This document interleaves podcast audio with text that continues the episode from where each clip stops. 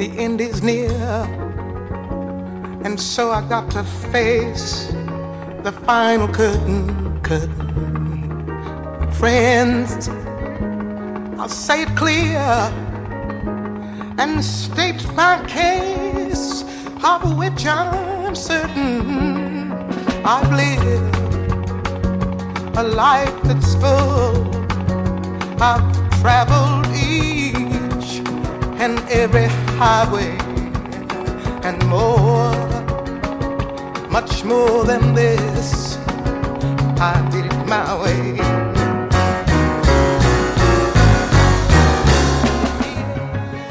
Saludos, un momento ahora para este mesas eh, y manteles, ese tiempo que dedicamos eh, cada dos semanitas a hablar de temas relacionados eh, con la gastronomía, con la restauración y en el que no falta ninguna semana nuestro invitado, digamos que mm, hace de Anfitrión. Anfitrión, efectivamente, anfitrión. No encontraba yo la palabra. ¿Cómo se nota que estamos a viernes ya? Francesco Gianelli, bienvenido. Hola, buenos días. Y tenemos también hoy en los estudios de Pontevedra Viva Radio a un carnicero, vamos a hablar de carnes. Él es eh, responsable de esta sección en el grupo Freud, ¿no? Sí, justo. Luigi Graso, bienvenido. Gracias, buenos días por la invitación prestada por ustedes. Además tengo que decir que toda una sorpresa, porque resulta que te encuentras con el carnicero del barrio aquí delante de los micrófonos. Sí, señor. Eh, hablamos de, carnes, estamos además en, una tierra, Francesco, en la que mm, somos de costa, pero eh, la carne también es otro de los grandes productos ¿no? de, esta tierra. Se ha afianzado mucho el tema de la carne en el sentido de la raza, la ternera gallega, se ha afianzado mucho en estas tierras que le han dado mucha muy arraigada de hace mucho tiempo atrás. Se ha venido evolucionando y se han marcado pautas para mantener y darle una denominación de origen a este producto. Eh, Francesco. Sí, no, eh, efectivamente ya empezamos bien porque me gustaba ya introducir eh, un poco de la ternera gallega, porque muchas veces tenemos, tenemos el concepto de ternera gallega, pero aún no lo tenemos completamente tan bien arraigado como lo puede tener otros, otros establecimientos tipo el asturiano que no tiene más eh, come direi io, más arraigado nella tradizione popolare también. Uh -huh. Aquí en Galicia conocemos a livello de restaurazione, fuori della restaurazione gallega, se, se tiene un aprecio enorme a la ternera gallega, mentre la, la poblazione mismo tiene poco conocimiento de la ternera ¿Mm? gallega. Sí, yo pienso que sí, que mm, la, gente, la gente local está aún con la con la cría que se hace en el monte de aquí, pero no lo tiene como un producto estrella, como un producto excepcional, como un nombre da poter exportar. No tiene como una, la clásica señora que tiene una vaca, que tiene una vaca, un ternero, cosas. Pero a livello de eh, raza autóctona, uh -huh. eh, aún está poco conocida. A livello, yo hablo a livello gallegos. Eh. Uh -huh. Por eso, e penso che Luigi mi può dare la ragione quando, quando nella carniceria si acerca, si acerca alguien per comprare, nunca te dirá, dame un trozo de ternera gallega. Eh, no, por lo general siempre te preguntan, eh, ¿es ternera gallega? No están seguros, no conocen los aspectos físicos de la ternera, que es un color rosado, así tirando al rojizo. Eh, a veces desconocen el formato de, mira, diferenciar una, una, ternera normal, un añojo, a una ternera gallega que no pasa su sacrificio más de 10 meses. Y la, en ese aspecto sí tiene razón Francesco, está bastante desconocido a nivel local lo que es identificar la ternera gallega como sí. Porque eh, eso, mm, cuando vamos a la carnicería, el, consumidor cómo, cómo, diferencia? ¿Lo puede diferenciar? O digamos que ahí estáis vosotros, el consejo del carnicero que te diga, mira, em, esto es así, llévate esto. En, el, en el súper que yo trabajo, por lo menos trabajamos, únicamente todos trabajamos ternera gallega, todo. Es regla por excepcional que nosotros, si nos viene otro producto que no viene certificado con ternera gallega, tenemos que rechazarlo, porque aparte de ser responsables eh, de, vender de cara al público, tenemos la responsabilidad de recibir también los productos. Y cuando recepcionas, tienes que venir que venga con todos sus certificados que eso viene marcado eh, como producto de denominación de origen, viene con todas sus pautas, certificado que es ternera gallega. Mm. Y la ternera en sí tiene un aspecto eh, de cara al producto, cuando tú lo presentas al mostrador, tiene, te marca eh, diferencias de una, de una carne a otra. Se nota visibilmente, lo que te quiero decir, mm. visiblemente se nota la diferencia de una da una ternera que no es gallega, da una ternera gallega, sí. Sí, pero en la, pregunta que yo quería hacer a Luis, eh, a Luigi era otro. Como tú bien dices, cuando viene gente, te viene a, comprar carne, yo pienso que la figura de carnicero ahí sí que emerge como, como eh, asesore Fundamental. Porque es fundamental, porque yo pienso que la gente viene y se pone un poco en tus manos. Oye, eh, quería hacer un guiso, un guiso hoy, ¿qué carne me das? Sí, ¿Estamos, ¿Estamos aún a este rapporto o ya eh, se está perdiendo este rapporto humano de entre carnicero y consumidor? No, hoy en día creo que ha incrementado más bien, en la nueva generación ha incrementado el, preguntar y que te deje asesorar por el, por el carnicero. Eh, te, da una responsabilidad a ti y confía en ti, en lo que tú le vas a recomendar. Eh, la gente, como decir, de, mayor edad, por decirlo de alguna manera, no quiero llamarlo bien. Más acostumbrada. exacto, conoce más sobre la carne, pero la nueva generación conoce mucho menos de carne. Entonces pide asesoramiento al carnicero de, y, confía en el carnicero de que le dé una buena carne tanto para guisar como para asar como mira qué puedo hacer para la milanesa, qué puedo hacer para la plancha, qué puedo hacer para la barbacoa. Son, son que confía en ti y a veces inclusive te pide hasta recetas. Ah. Yo pienso que es más el género masculino que pide eso, ¿no? Sí, el, el, número se ha elevado más en el término masculino que está más abocado a la cocina y se preocupa más por platos nuevos o, o, que tú le recomiendes un producto bueno para que quede bien en casa también. Eh, y por cierto, todo el mundo le gusta comer carne, pero una de las características también de la ternera gallega es que es una carne tierna. Y entonces también hay que enfatizarles que la cocción de la, o la preparación de la carne, si la pasas también tiende a, secarse. Claro. Porque la carne, un gran porcentaje, es de un 75% agua. Y entonces ahí viene la parte que tú lo aconsejes, mira, esta carne te es buena para guisar, esta carne es buena para, para estofar, en, todo el grupo que cabe. Mira, una carne buena para, hacer a la barbacoa, unas tiras de churrasco, tanto de ternera, o uno engloba y lo aconseja. Es la confianza que tú agarras con el, cliente. Pero mirase la diferencia eh, con la persona, como dices tú, eh, retomando el discurso, la persona mayor con los jóvenes. Antes yo noto que estaba la persona mayor, se iba de compra y llega ahí da carnicero y dice, mira, quería una barbilla, quería una, eh, que se, sí, conocía una, una molleja, quería eso, mientras el joven no. La persona ah, mayor. Yo tengo que reconocer que a, mí me pasa. A mí me pasa. porque tú estás en los jóvenes, por eso. Eh, eh, por despreocupación o porque siempre hemos delegado. No, porque las personas de anteriormente estaban más abocadas a lo que es el tema de la cocina. Y conocían más las piezas y, veían y trataban todos los días, iban al mercado y veían las piezas y mira que le doy de esta, le decía el carnicero. Y ya iban aprendiendo, iban las nomenclaturas del conocimiento de, cada parte. de, cada parte de la Afortunadamente esta tendencia cambió, que antes se hablaba de cocina se, se pensaba en unos tires solo matriarcales, que la cocina era solo de la mujer, cosa. Afortunadamente los tiempos cambiaron, las personas cambiaron y ahora tenemos un ayudo más presente de los hombres en cocina, a nivel, hablo a nivel familiar, no estoy hablando profesional, ¿eh? a nivel familiar tenemos un ayudo más constante del hombre que ayuda en cocina, ayuda en la, en la facenda doméstica de todos los días. en casa también eh, el hombre. Sí, sí, sí, sí de la facenda doméstica diaria, sí. Ah, que le gusta ya ponerse también. Sí, está más abocado y ve que el trabajo en, en, casa es arduo y es pesado, pues. Y hay que colaborar, mm. entre los dos tienen que colaborar para sacar el, hogar adelante. Mm. Y una de las partes fundamentales es la cocina, porque la cocina, si te pones, te, te quita tiempo. Muchísimo tiempo se quiere, se quiere hacer una cosa. Yo, mira, siempre digo, me acuerdo de cuando era niño, por eso a veces los recuerdos que te afloran te dejan pensar distintamente o te dejan eh, reaccionar distintamente. Me acuerdo mi madre cuando llegaba el fin de semana, el domingo, que podía tener todo disponible, la familia disponible, porque durante la semana todo tenía que trabajar, el tiempo era distinta cosa.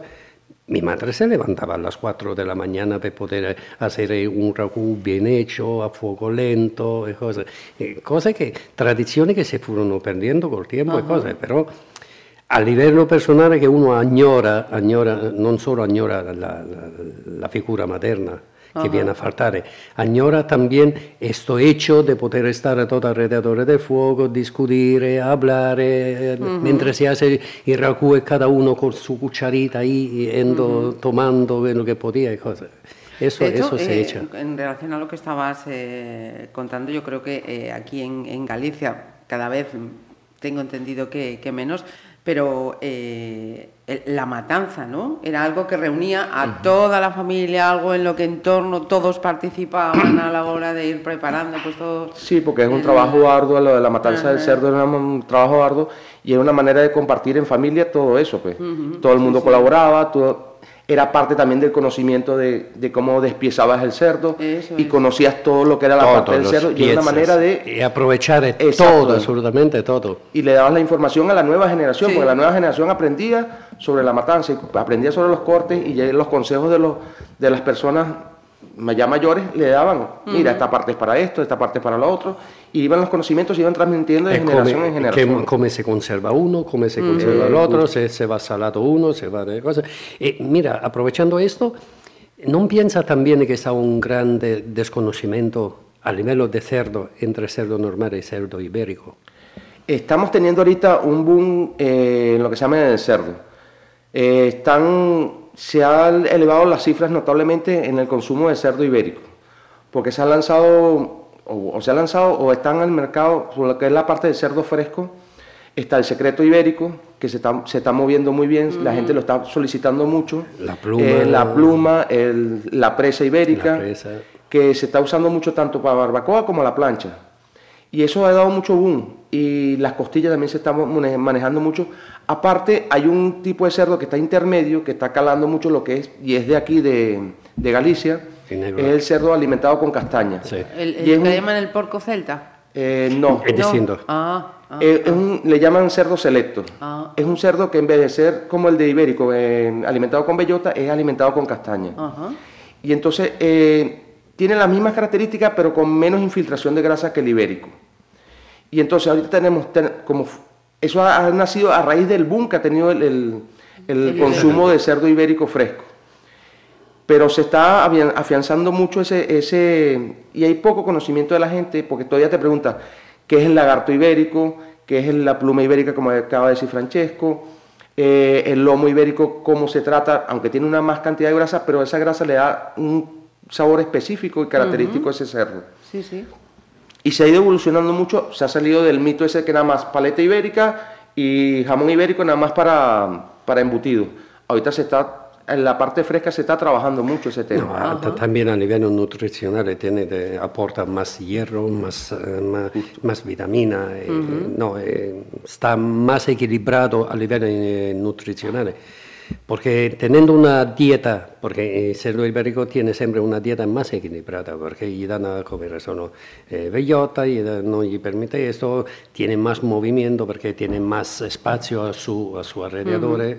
Eh, todo esto hace sí que la carne sea distinta cosa, cosa que muchas veces la gente no sabe. Por eso, Por eso me interesaba saber de parte tuya si estaba esto este contacto, o la gente empieza a tener contacto con el cerdo ibérico, con la... Sí, hay, hay mucho más consumo ahorita y preguntan mucho más por el cerdo ibérico y la forma de preparación porque se está, se está metiendo más en, la gente, la gente está averiguando más, está buscando más este tipo de...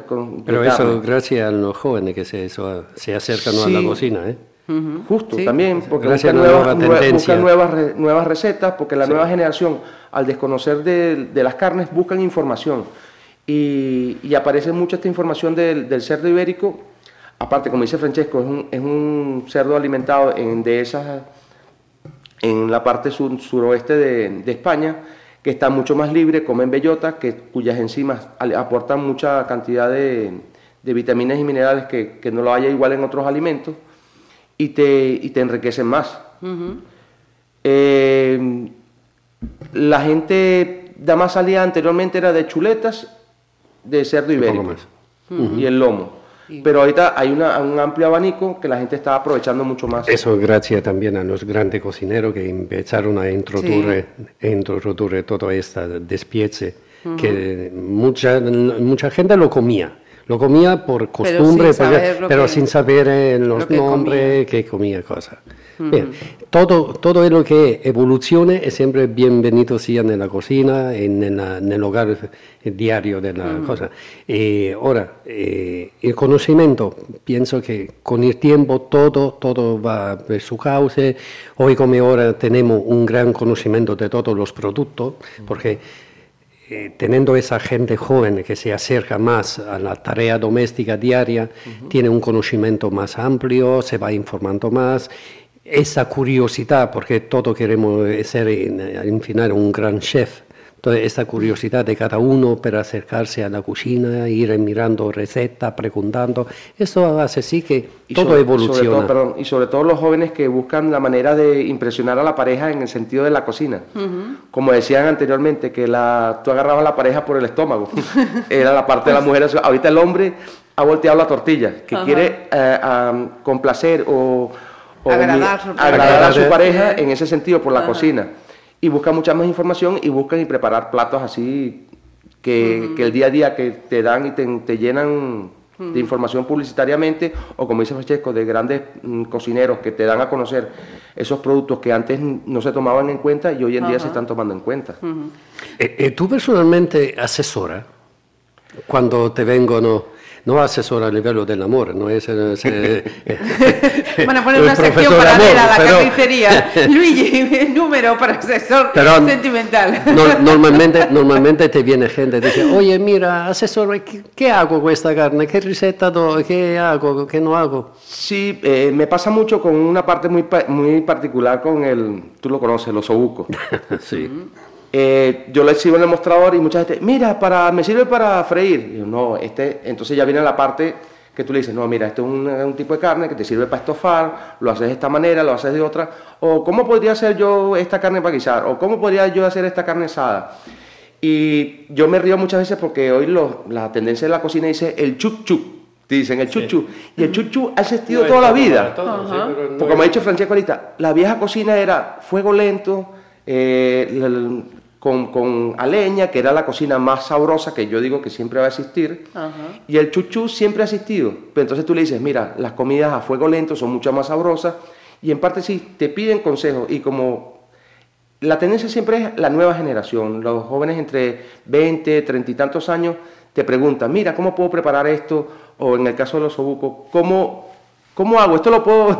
Yo me río, pues el sobuco es el jarrete con hueso. Ajá. O lo haces guisadito, o lo haces al horno, lo haces estofado y siempre a fuego lento y eso queda muy sabroso. Uh -huh. Pero es lo que no sabe la gente a veces es que el sabor está en el hueso, en el tuétano. Eh, y mucha gente lo saca, mientras eso es un uh -huh. crimen sacarlo. Y ahí está todo el sabor de, de la carne, de, del estofado cuando lo hace, el mismo sobugo cuando lo hace, lo puede hacer a la milanesa o estofado como quiere. Eh, todo el tuétano que muchos lo sacan, ¿no? Eh, uh -huh. dejádelo, dejádelo donde está, está dejádelo, toda la vitamina dejádelo disfrutar a la gente del tuétano, uh -huh. por favor. Mira, estábamos hablando de, de, productos autóctonos, ¿no? De esa ternera gallega, de uh -huh. ese cerdo criado con castañas, eh, también tenemos el, el, porco celta, ¿no? Pero eh, mm, yo veo que se están pidiendo también, hay un sector eh, que está pidiendo carnes nuevas, ¿no? Eh, carne de buey, carne de Kobe, creo que también se está demandando uh -huh. mucho. Eh, en realidad, cuando uno va a pedir esas carnes, no digo en la carnicería, sino en un establecimiento de hostelería, eh, ¿está tomando esas carnes o nos están dando otras cosas que en realidad... Porque sí que he oído que hay mucho más buey que se demanda del que en realidad se puede servir. Sí. No siempre es buey, muchas veces una una vaca vieja que se quiere hacer pasar por buey. No, muchas mucha trampillas siempre, siempre existieron. Siempre yo pienso que se continúan haciendo cosas. Pero yo pienso que en esta tendencia de nueva carne, de nueva generación que se, se ha transportado en cocina, eh, almeno de oído, porque mira, hoy no, lo che non ti falta in televisione è un programma di cucina. Mm-hmm. Puoi aprire sí, qualsiasi, canale tiene un programma di cucina. Per eso eh, ya está un bombardamento continuo di nuovo prodotto, nuove tendenze, nuova, nuova receta, nuovo gusto. E la gente nuova che si è trasportata in cucina eh, se deja facilmente Em, no manejar, no sé cómo, se puede decir, pero aducir da esta nueva tendencia y, va pidiendo nueva carne.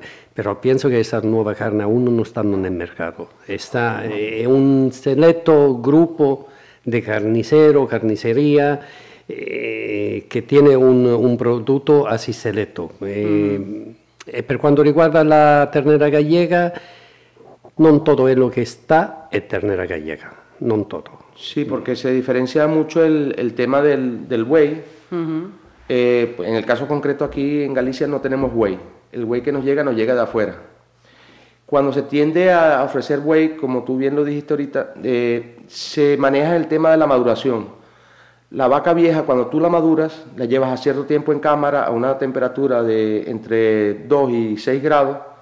Ella va, de acuerdo a 15 días, un mes que tú la tengas en maduración, siempre quitas los cortes al principio, tiene un sabor fuerte, es lo que le diferencia el, buey. Entonces, al tener un sabor, más fuerte, tratan de asimilar lo que es la carne de vaca al buey. Pero el buey en sí viene mucho, del que se consume aquí, viene de afuera. Eh, en, Más de Asturias. Exacto, también. Asturias, País Vasco. Y, por eso que el consumo muchas veces aquí en Galicia no, no es de buey. Y como dice Francesco, mucha información está llegando y están dando características específicas de cuánto es el sabor, color, textura, tanto de la grasa, de diferencia entre la carne de la ternera gallega y el buey.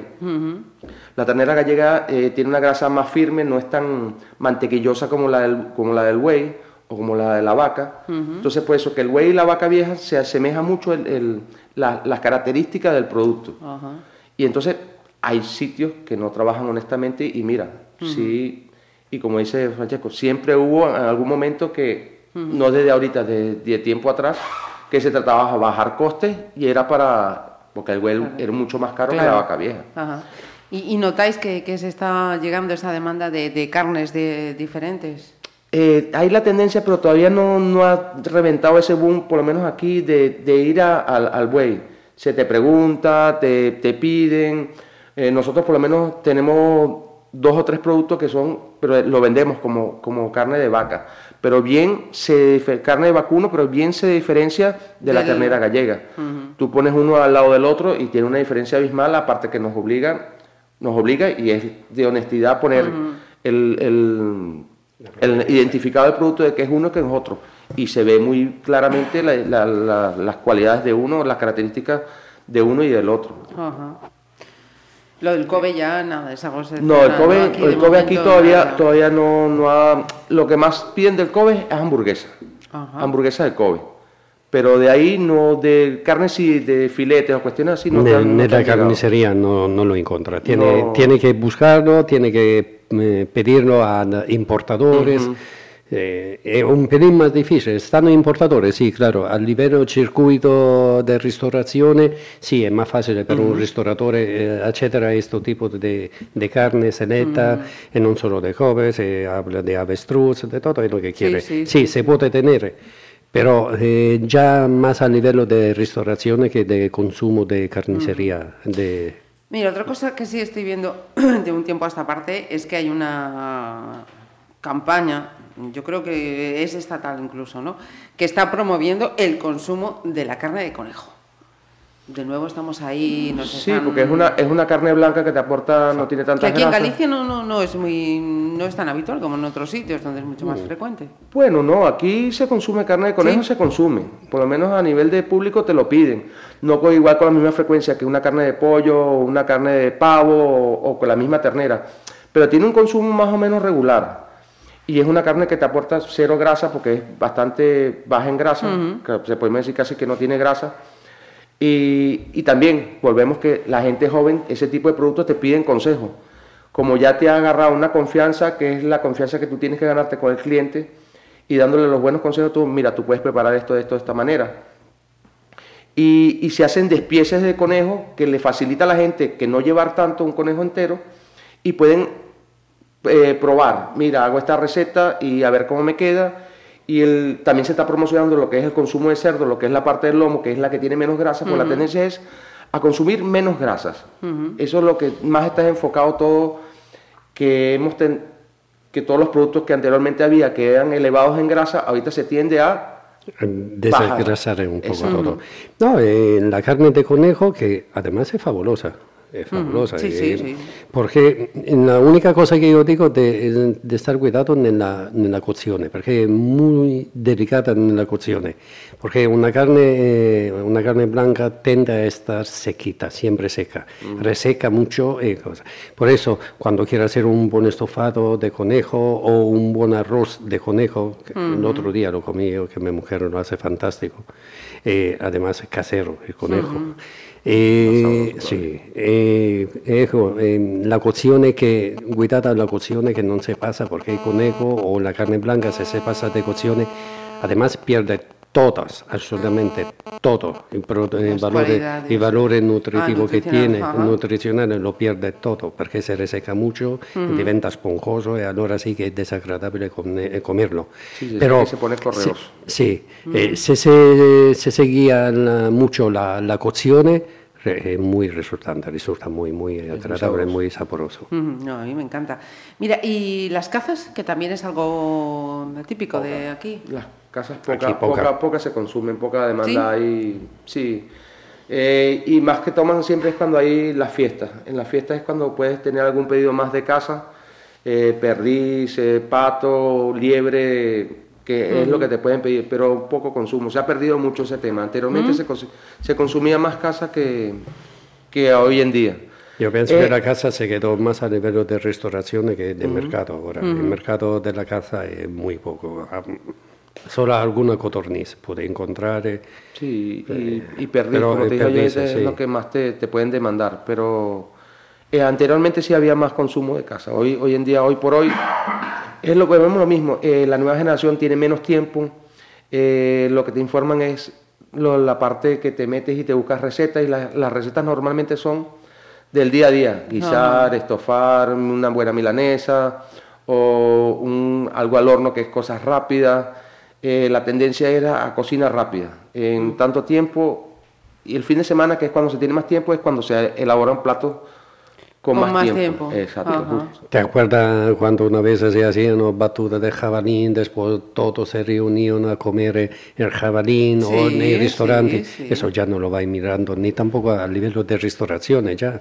Son pocos los restaurantes que te cocinan el jabalín, que a mí me encantaba, me encanta el jabalín. He hecho un goulash de jabalín así con 48 horas de remojo, bien, ¿eh? es fabuloso, pero ya eso no lo tienen, ¿eh? tampoco a nivel de restauración. Eso eh, sigue persistiendo un poco de la parte de Zamora. Zamora sí, que Zamora, en Castilla, Castilla, Castilla, Castilla, León, sí, la caza, sí, muchísima la, Aquí puede ser en la parte rural es que más la gente tienda al consumo de la caza, pero a nivel de, así, de capital o en grandes ciudades ha, disminuido. En Castilla no, en Castilla sigue persistiendo, sigue mm, persistiendo muchísima. Además, muchísimos cazadores de aquí se van en Castilla. Se van a, Castilla, ¿eh? efectivamente. A punto por eso, ciervo, nieve, cosas. Eh, ahora, en lo que llega aquí es muy poco, porque se consuma casi todo en Castilla. Sí, sí, sí. Y que en todo caso eso, consumo casero, ya sí, no, gente que va es solo casero, no, no, a nivel de restauración, olvídate. No. Y otro producto también, eh, que no sé si aquí tiene tanta tradición, tanto consumo como en otras comunidades, el, cordero, el cordero lechal, que también es un particularmente una delicia. El cordero resental, que es el cordero más, más, grande, como quien dice, y el lechal. Y cabrito también se consume, pero durante el año consumimos más, o consumimos más lo que es el cordero normal. El lechal es más que todo siempre en fiestas, en que si Semana Santa, fin de año, Nochevieja, es la tendencia que se ha creado en la misma población de que en esas fechas puntuales sea ese producto. Exacto. Tú lo tienes todo durante el año, muy bueno, que nos viene un cordero castellano que está verdaderamente, si lo sabes preparar, Delicioso. Eso, eso es el problema de Galicia. Con tantas cosas, eh, tantas cosas buenas, tenemos un handicap para el cordero cosa, porque no hablo tanto de, de, de, calidad de carne, pero per el pasto, porque el pasto gallego es muy verde, pero Sí. un, un cordero eh, no, eh, no te aporta. Aquí el pasto muy verde te elimina, te, te saca la calidad en la carne, cosa. Mm, Esto es, es lo que a veces se echa de menos, de- teniendo un buen producto como es el cordero, que es un cordero oveja, es lo cualquier cosa que tiene aquí, que puede ser bueno, pero el pasto, que es muy verde, que para una cosa es buena, Ah, eh, pero para otro. para otro ne- tenemos un poco un problema. Por eso en eh, castellano, el cordero castellano es el porque eh, tiene parte seca, que puede pastar esa hierba más seca, cosa que aporta más vitamina, más proteína, más sal, que aquí poco sal. sí, la, la alimentación fluye mucho. Sí, muchísimo. Porque es- por lo menos la tanera gallega es muy controlada lo que es la alimentación, solamente le dan cereales y leguminosas, no, dan, no los y hay una, un estricto control de que se consuma eso. El animal, tanto sanitariamente como la vida su- suya, tiene que ser nacido, criado y sacrificado aquí para que re- tenga las normas de denominación de origen. Tiene que ser igual pasa en el cordero. El cordero no le serviría los pastos aquí, como bien dice él, porque son que más bien le actúan como laxante del animal y no, no, no, no, No asimila no asimila todos los productos. y, y hay otros productos como el, el cochinillo también específico. Son productos que se consumen, pero nada más en, en determinadas fechas. Sí, sí. Ahora que ha perdurado o se mantiene, o por lo menos cada cierto tiempo durante el mes se consume, es el cordero. Y sobre todo la tendencia son a la chuletilla, el proceso rápido.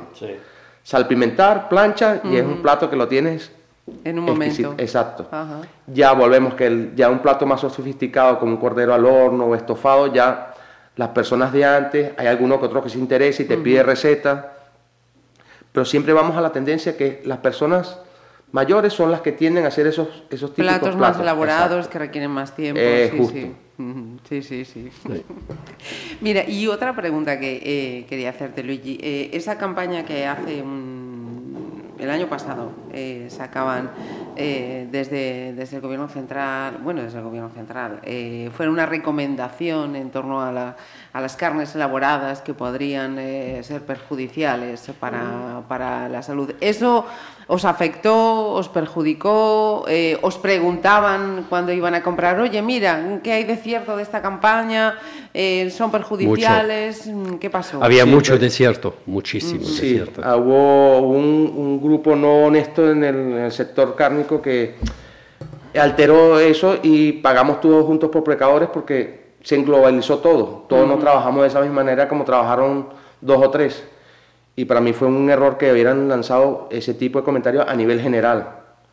Tenían que haber sido más meticulosos y más, porque nos, nos afectó bastante. Bajamos, las ventas bajaron en cuanto a ese, ese rubro, bajó bastante. Porque la gente iba temerosa a que ese Claro. producto estuviera en las condiciones como decían. Y no todo, por lo menos en, en el caso de la ternera gallega, no, no hay ese consumo, como la alimentación no está estricta, como te dije antes. No toman otras cosas que no sean cereales y leguminosas. ¿Por qué? Porque y pastos que el forraje que le dan. Entonces no englobaba todo lo que decían y la elaboración, por lo menos en el centro de nosotros, los hacemos estrictamente con ternera gallega y cerdos de aquí, son cerdos gallegos.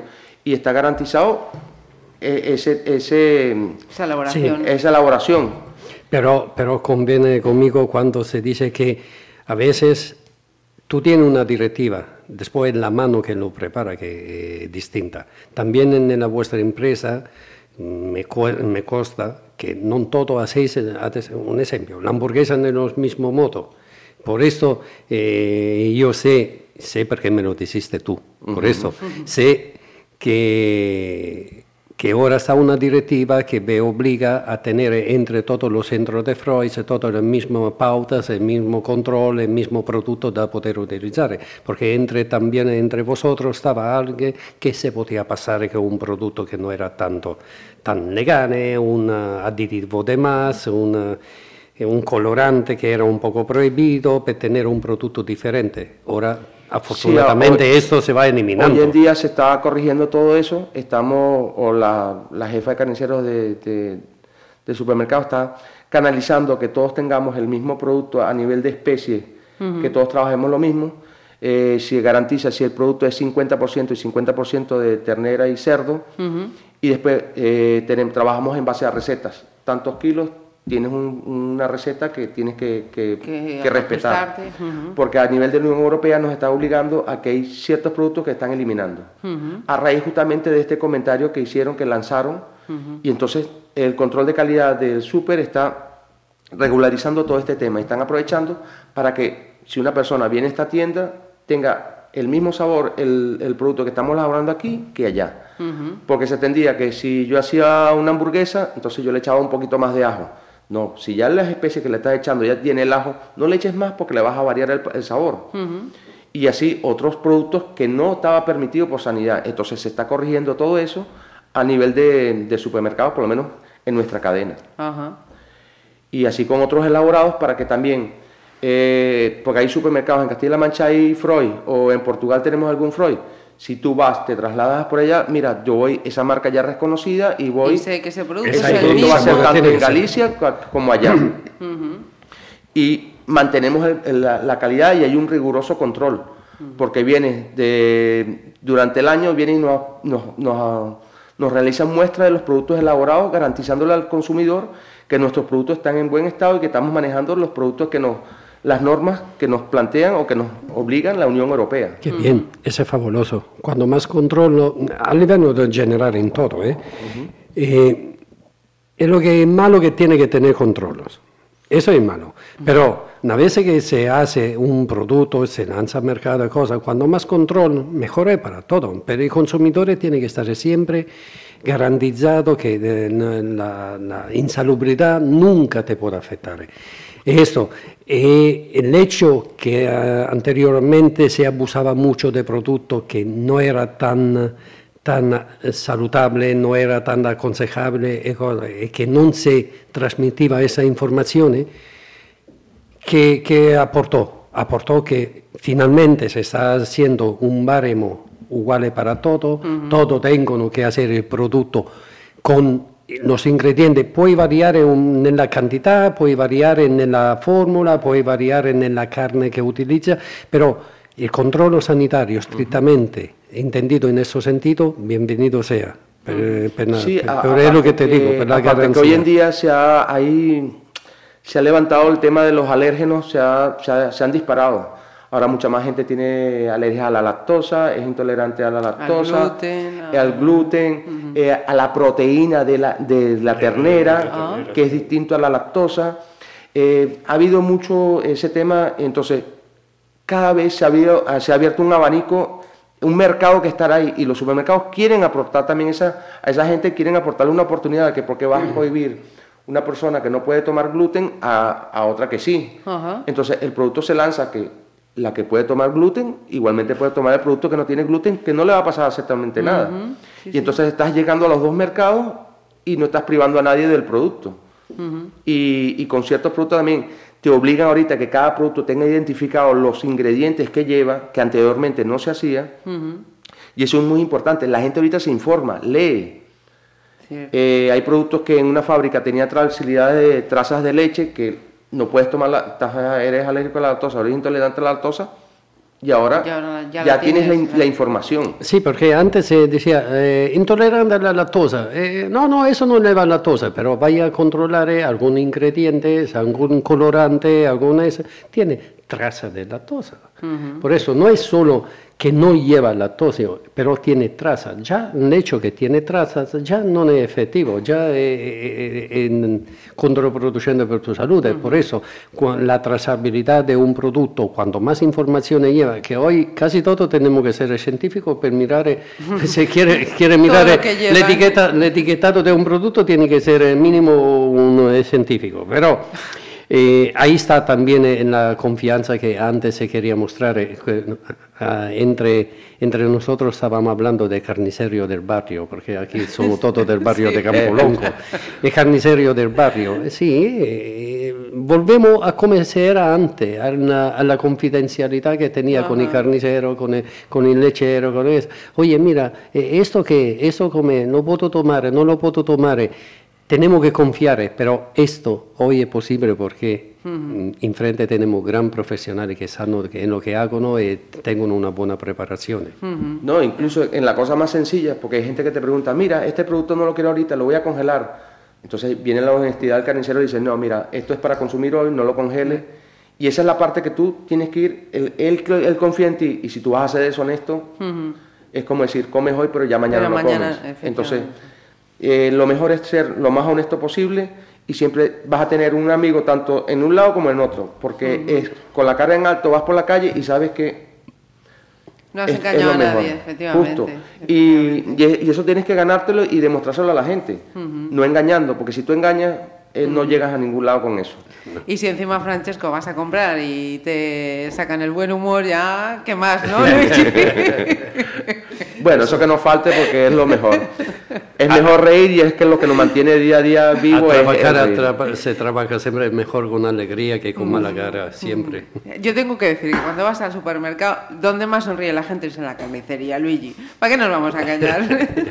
sí, se ha atendido que siempre el, carnicero es el que tiene más chispa, o bueno, o la gran mayoría de los carniceros son los que tenemos más chispa y tenemos más interrelación con el cliente y comentamos una cosa, comentamos otra, o, o lo típico, mira, va, llévate esto y otro. Como hay la confianza entonces se transmite a nivel personal también.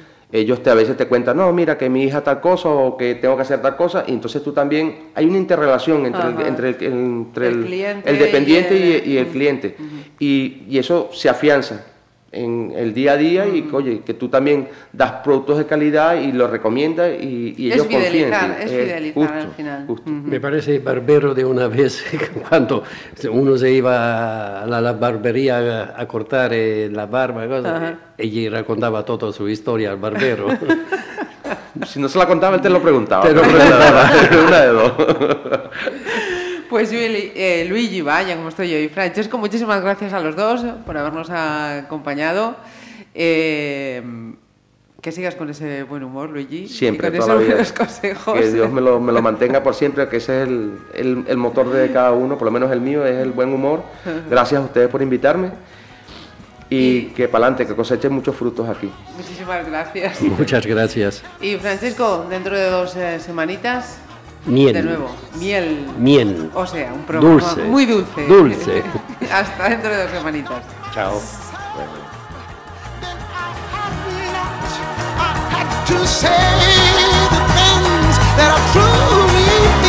to